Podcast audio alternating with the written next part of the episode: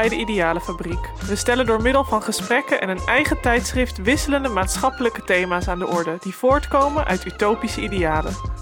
We zijn er om mensen en ideeën met elkaar te verbinden, om te inspireren tot nieuwe zienswijzen en te ondersteunen daar waar nodig. Luister mee naar artikelen uit ons tijdschrift Andersland, waarin onze thema's vanuit verschillende hoeken bekeken en uitgelegd worden. Praat mee via onze website of sociale media.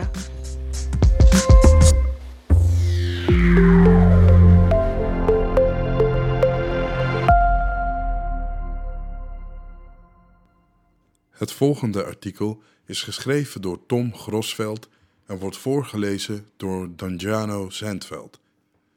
Tom is journalist en schrijft onder andere voor Het Parool en Vrij Nederland. Dit artikel is verschenen in Andersland 4, uitgegeven in 2021. Ik werk, dus ik ben. Maken we onze baan te belangrijk. Wie zijn identiteit baseert op het werk dat hij doet, is kwetsbaar. Verlies je je baan, dan verlies je een deel van wie je bent. Maken we ons werk soms te belangrijk. Een poos geleden, nog voordat het coronavirus de show uit onze sociale levens zou gummen, kwam ik in de kroeg een oude jeugdvriend tegen. Dat is lang geleden, zei hij, en hij gaf me een klop op mijn schouder. Hoe is het met je? Ik vertelde dat ik inmiddels journalist en vader was, vroeg hoe het met hem ging. Ik schilder graag met olieverf, ben een tuinhuis aan het timmeren en voetbal nog. En oh ja, ik werk als consultant. Toen hij daarna naar mijn hobby's informeerde, antwoordde ik opgetogen dat ik van mijn hobby mijn werk had gemaakt. Hij keek me aan alsof hij medelijden met me had. Het leek erop dat hij trots was dat werk een beperkte rol speelde in zijn leven, door zo nadrukkelijk eerst zijn hobby's en projecten te noemen. Hij ziet zichzelf misschien niet als consultant, maar als 28-jarige man die houdt van schilderen, timmeren en voetballen en zijn geld verdient als consultant. Ik zie mezelf als journalist en vooruit als vader. Heb ik werk een te belangrijk onderdeel van mijn leven gemaakt? Het liefst schrijf ik de hele dag verhalen. En wanneer ik niet schrijf, denk ik erover na. Of lees ik boeken en artikelen om af te kijken hoe anderen het doen. Telkens overwegend, kan ik iets met dit onderwerp? Ik voel me vaak nutteloos als ik een vrije dag neem. Een gemiste kans om me in mijn werk te ontwikkelen en mezelf te ontwikkelen. Daar wordt het troebel.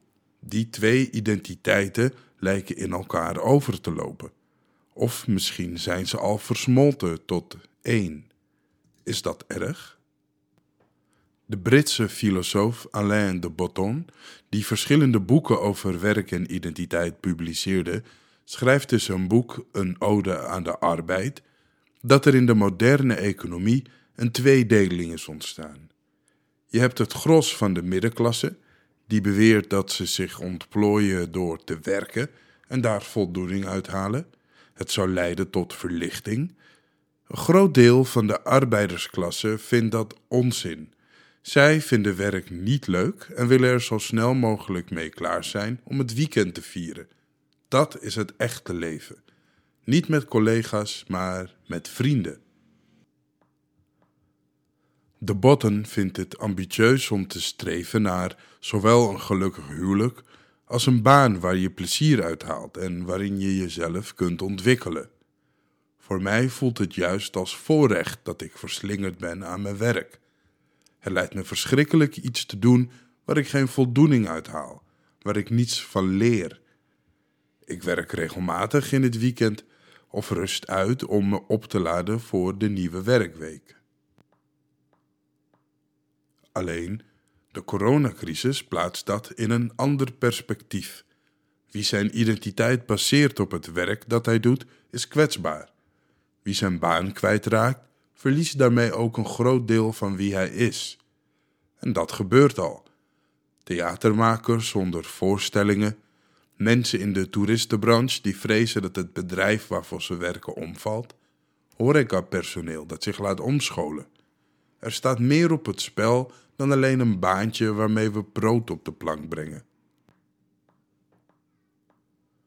Psychotherapeut Esther Perel sprak in een interview in de Volkskrant over een collectieve break-up wanneer veel mensen hun baan tijdelijk verliezen. Door de opkomst van het individualisme en het wegvallen van gemeenschappen zijn we zelf verantwoordelijk geworden voor onze identiteit, zegt ze. Daarbij hebben we ook nog eens voortdurend het idee dat we onszelf moeten verbeteren. We stoppen niet meer met een baan omdat we het niet meer leuk vinden, maar omdat we denken dat het ergens anders beter kan. Het belang van werk is de laatste jaren exponentieel toegenomen, zegt de Vlaamse psychoanalyticus Paul Verhagen. We zijn er trots op dat we zo hard werken. We halen daar de zin van het leven uit. Onze identiteit is onze professionele identiteit. Het doel is om die te maximaliseren, blijven groeien. Het is nooit genoeg. Dat betekent dat onze identiteit voor een groot deel afhankelijk is geworden van de grillen van de economie. En dat kan niet lang meer goed gaan. Volgens Perel bestaat onze identiteit uit relaties die niets meer dan schijnzekerheid verschaffen. Valt het bedrijf om waar je werkt, valt in één keer een deel van wie jij bent weg, zegt ze in de Volkskrant. Als jij niet meer aan het werk kunt als creatieve ZZP'er, wie ben je dan nog? Die situatie was vroeger ondenkbaar, zegt filosoof Lammert Kamphuis, die dit thema bespreekt in zijn boek Filosofie voor een weergaloos leven. Je werd geboren in een maatschappelijke rol, zegt hij. Je was bakker, net als je vader en opa. Wij zien identiteit inmiddels niet meer als iets wat ons is gegeven, maar wat we zelf creëren, ons uniek maakt. Die ontwikkeling begon al in de 15e eeuw, toen de negatieve opvatting over werk, de Grieken keken neer op mensen die voor hun geld werkten, en in de middeleeuwen was het een straf van God, veranderde door de opkomst van het humanisme. Er kwam meer aandacht voor de ontwikkeling van het individu. In de 18e eeuw, de tijd van de romantiek, ontstond het idee dat we allemaal een uniek talent hebben en het doel in het leven is om dat talent te vinden en te ontwikkelen. In de 20e eeuw rukte het existentialisme op, een stroming die ieder persoon beschouwt als uniek wezen, verantwoordelijk voor zijn eigen levensgeluk. We gingen onze eigen zelf creëren, als een project dat vorming nodig had. Kamphuis zegt: Je bent dus niet meer wie je bent, maar wat je doet. En dat brengt ons naar de 21ste eeuw, waar het draait om zelfontplooiing en persoonlijke groei. Die twee stromingen, het uniek zijn en je passie vinden, en zelfontplooiing en persoonlijke groei, zijn de afgelopen decennia een huwelijk aangegaan met het neoliberalisme. Ze vinden voor een heel groot gedeelte plaats binnen je carrière. En daar gaan we ver in. De verwachtingen over wat we kunnen bereiken in onze carrière zijn nog nooit zo hoog gespannen geweest, schrijft de Baton in zijn boek. We horen van jongs af aan dat we alles kunnen worden wat we willen, zolang we ons best maar doen en talent hebben. De kans dat je nu even rijk en beroemd wordt als Bill Gates is ongeveer net zo groot als de kans dat je in de 17e eeuw plots toetrad tot de Franse adel. Maar zo voelt het niet. In de moderne maatschappij is iedereen gelijk. We kunnen bereiken wat Bill Gates bereikt, als we er maar hard voor werken. Maar wat als je dan ineens je baan verliest?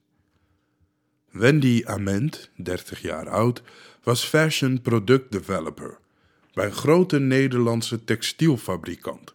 Iets waarvan ze altijd had gedroomd. Ze werkte meer dan 40 uur in de week. Haar werkplek voelde als tweede huis. Haar collega's vervingen haar vrienden of ze raakte bevriend met mensen die haar konden helpen haar doelen te bereiken. Ze dacht: dit is de plek waar ik oud ga worden. met al die doorgroeimogelijkheden. In 2016 was er een reorganisatie. Haar hele afdeling werd opgeheven. Ze zegt: Ik was altijd die vrouw die werd gezien en gewaardeerd. Nu zat ik thuis in een zwart gat en wist ik niet meer wie ik was. Ik schaamde me wanneer ik onder familie en vrienden was en zag mezelf niet meer als een interessant persoon. Wat had ik nog toe te voegen nu ik niet meer kon vertellen over mijn werk? Toen ze een tijd thuis zat, dacht Ament: hoe ga ik weer gelukkig worden? Uiteindelijk bood mijn baanverlies kans op reflectie. Ik was ver verwijderd van de normen en waarden waarvoor ik stond. Ik besloot een webshop te beginnen met duurzame handgemaakte kinderkleding en ging mijn identiteit breder zien. Ik werk, maar ik ben ook moeder. Ik hou van dansen, yoga en mediteren en ik zie mijn oude vrienden weer. Dat doet denken aan wat de Botton schrijft. We zien het als tragedie wanneer we onze baan verliezen, omdat we onze identiteit ermee verliezen. We eisen dat we onszelf kunnen ontwikkelen in ons werk en dat het leuk is. Dat is een risico, want als het niet lukt, zijn we ongelukkiger dan wanneer we werken met het idee: het is maar een baan. Het is prima zolang ik er geld mee verdien en het niet heel vervelend is. Ineens benijd ik die oude jeugdvriend van me. Ik vond het maar geforceerd hoe hij me bestookte met zijn hobby's, maar hij lijkt veel beter dan ik te weten wie hij is zonder werk. Psychotherapeut en coach Karine Karsten ontvangt in haar praktijk juist veel mensen die worstelen met de vraag wie ze zijn zonder hun werk. Ze weten niet waarom ze hun werk zo belangrijk vinden, wat hun doel is en wat ze zouden doen wanneer het wegvalt. Karin onderscheidt vier elementen die onze identiteit vormen: werk, liefde, gezondheid en spel. Wil je gelukkig zijn, doen ze er alle vier toe. Op spel scoren de meeste mensen vaak heel laag. Iets doen om de activiteit zelf. We zijn geprogrammeerd om alleen te doen wat nuttig en efficiënt is. We willen geen tijd verspillen. Daar maakte historicus Johan Huizinga zich in de jaren 30 van de vorige eeuw al zorgen over. Hij stelde dat de homo ludens, de spelende mens, het fundament is voor onze cultuur en de wijze waarop de samenleving vorm krijgt. Maar Huizinga zag dat de moderne tijd de spelende mens met uitsterven bedreigde. Hij wees erop dat de samenleving verernstigde door het kapitalisme dat het bedrijfsleven binnendrong, maar ook door de professionalisering van sporten als voetbal. Dat herkent Karsten. In haar praktijk krijgt ze veel mensen over de vloer van wie hun leven in het teken staat van werk. Ze zegt: Laatst nog maakte ik een wandeling met een jongen die nauwelijks opkeek naar het landschap. Hij zat gevangen in het ik moet. Hij zette zichzelf enorm onder druk en het enige dat hij naast zijn werk nog deed was squashen. Maar dat was er eigenlijk onderdeel van. Hij deed het om fit te blijven, zodat hij zijn werk kon volhouden. Wat ook niet helpt, schrijft de Amerikaanse essayist Gia Tolentino in haar essaybundel Spiegeldolhof, is dat succesvol worden de afgelopen jaren werd neergezet als een feministisch streven, het girlboss feminisme. Dat houdt vooral in dat je opeist wat van jou is en dat aan iedereen laat zien. Tolentino schrijft dat die beweging begon in 2013 met het manifest Lean In van Sheryl Sandberg en Nell Scoville. Zij schreven dat vrouwen zelf verantwoordelijk zijn voor hun ambitie, dat het draait om hard werken, individuele prestaties en persoonlijke groei. Maar wat als je van je passie of hobby je werk hebt gemaakt? Dan zou je kunnen zeggen dat je de spelende mens bent in je werk. Toch is die groep juist kwetsbaar. helemaal nu we in een pandemie verkeren. Jurien Trappel, 28 jaar oud, is freelance theatermaker. Al zijn klussen zijn weggevallen. Theaterlessen bij de Theaterkamer in Amsterdam, een voorstelling en theatertrainingen. Doordat hij daarnaast drie dagen in loondienst werkt, kan hij de huur blijven betalen en boodschappen doen. Hij zegt: Alleen ik identificeer me met mijn werk als theatermaker. Dat is wie ik ben. Ik doe dat werk niet twee dagen in de week, maar ben altijd bezig. Op de fiets zie ik iemand die een leuk personage zou kunnen zijn voor een voorstelling. Of ik zie een foto en denk: dat is een mooi uitgangspunt voor een les. Ik sta altijd aan om geïnspireerd te worden. Dat is soms vermoeiend, maar dat geeft me ook energie. Het is niet duidelijk wanneer hij zijn werk als theatermaker weer kan oppakken. Dat veroorzaakt soms twijfel. Ik heb gedacht: moet ik vol inzetten op mijn vaste werk? Maar ik kan me niet voorstellen dat ik ooit stop met theater. Dat voelt als verraad naar mezelf. Dan zou ik doodongelukkig worden. Annemarijn Zanting, 27 jaar oud, zit in hetzelfde schuitje. Ze werkt als ZZP'er in de theater- en festivalwereld. De komende maanden zit ze zonder klussen, terwijl haar werk zo'n beetje haar leven is. Ze stelt: Ik werk 70 tot 80 uur in de week. Het is precies wat ik leuk vind. De theatergroepen voelen als familie en thuis gaat het ook over theater, want mijn vriend zit in dezelfde sector. Dat valt nu allemaal weg. Is het mogelijk om werk in een andere sector te zoeken als theater zo is verweven met wie je bent? Zanting denkt er veel over na. Ze overweegt het wel, aangezien het nog wel twee jaar kan duren voordat ze weer aan de slag kan.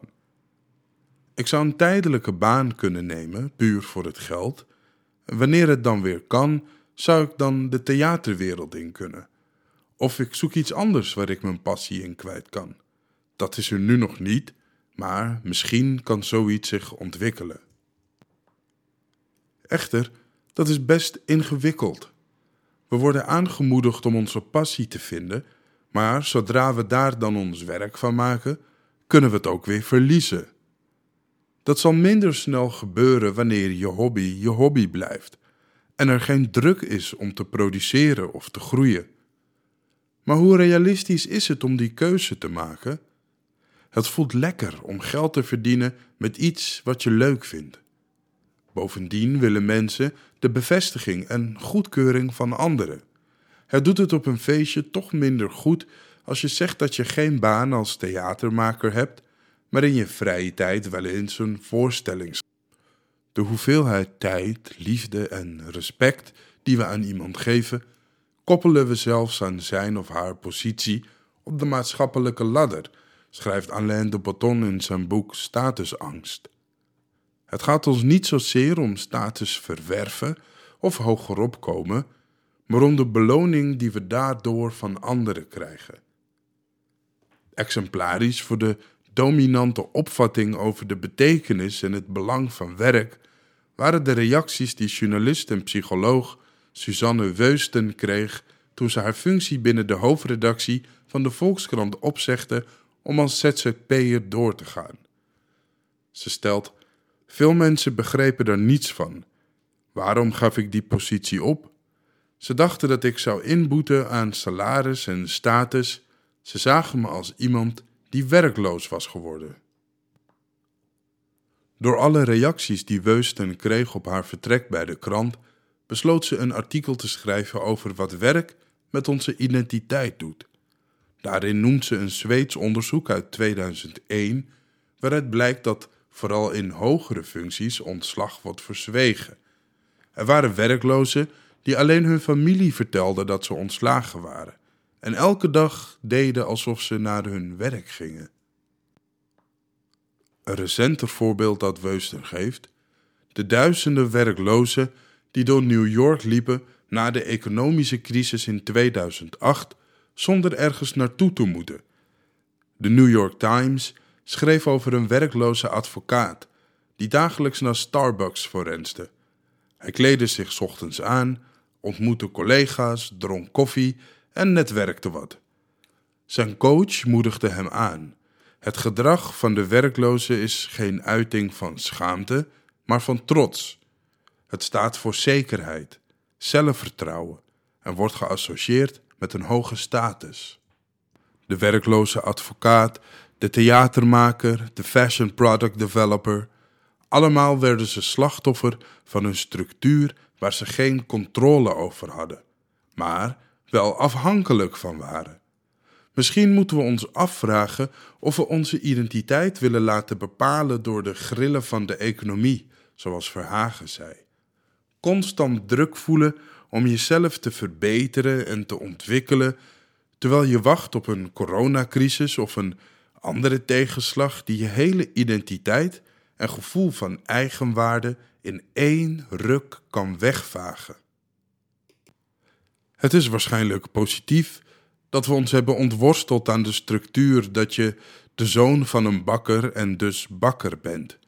We vormen ons eigen zelf. Onze samenleving is daarin alleen zo doorgeslagen dat het individu wordt afgerekend op zijn prestaties en verantwoordelijk is voor zijn eigen succes. De erkenning en waardering die we daarmee krijgen, werken als een drug.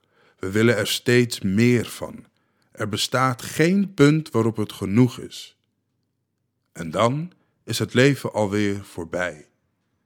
In The Top 5 Regrets of Dying stelt de Australische palliatieve verpleegster Bronnie Ware dat stervenden er vooral spijt van hebben dat ze niet hun eigen leven hebben geleid en te veel hebben gewerkt. We weten dat onze obsessie met werk niet leidt tot geluk. Maar zolang onze samenleving gelooft in economische groei, is het moeilijk om werk als minder belangrijk te gaan zien. Wel kunnen we proberen om onszelf als meer te zien dan enkel ons werk. Volgens Kamphuis, wanneer je je identiteit zoekt in hoe jij je gedraagt naar anderen, wat voor persoon je bent, wat je in je vrije tijd doet en welke overtuigingen en waarden je belangrijk vindt, dan raak je dat niet zomaar kwijt. Het voorstel van Kamphuis zou ons minder kwetsbaar maken, maar dan moeten we wel accepteren dat het leven om meer draait dan persoonlijke groei.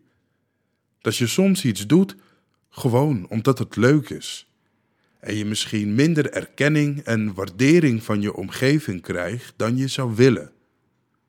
Misschien kunnen we iets leren van wat de Stoïcijnse filosoof Seneca al in 60 na Christus schreef. Als ik niet meer werk, wat beteken ik dan nog voor mijn omgeving? Seneca deed het tegenovergestelde van wat wij doen. Hij stelde niet zichzelf, maar zijn omgeving centraal. We hoeven niet, zoals hij deed, te filosoferen over stoppen met werken, maar we kunnen ons wel afvragen wat het met onze omgeving zou doen wanneer we ons werk wat minder belangrijk maken en in het weekend wat vaker zouden schilderen met olieverf of een tuinhuisje zouden timmeren. Bedankt voor het luisteren naar de Ideale Fabriek. Vind ons op idealefabriek.nl, Instagram of Facebook en meld je ook aan als idealist. Samen kunnen we de samenleving een stukje verbeteren.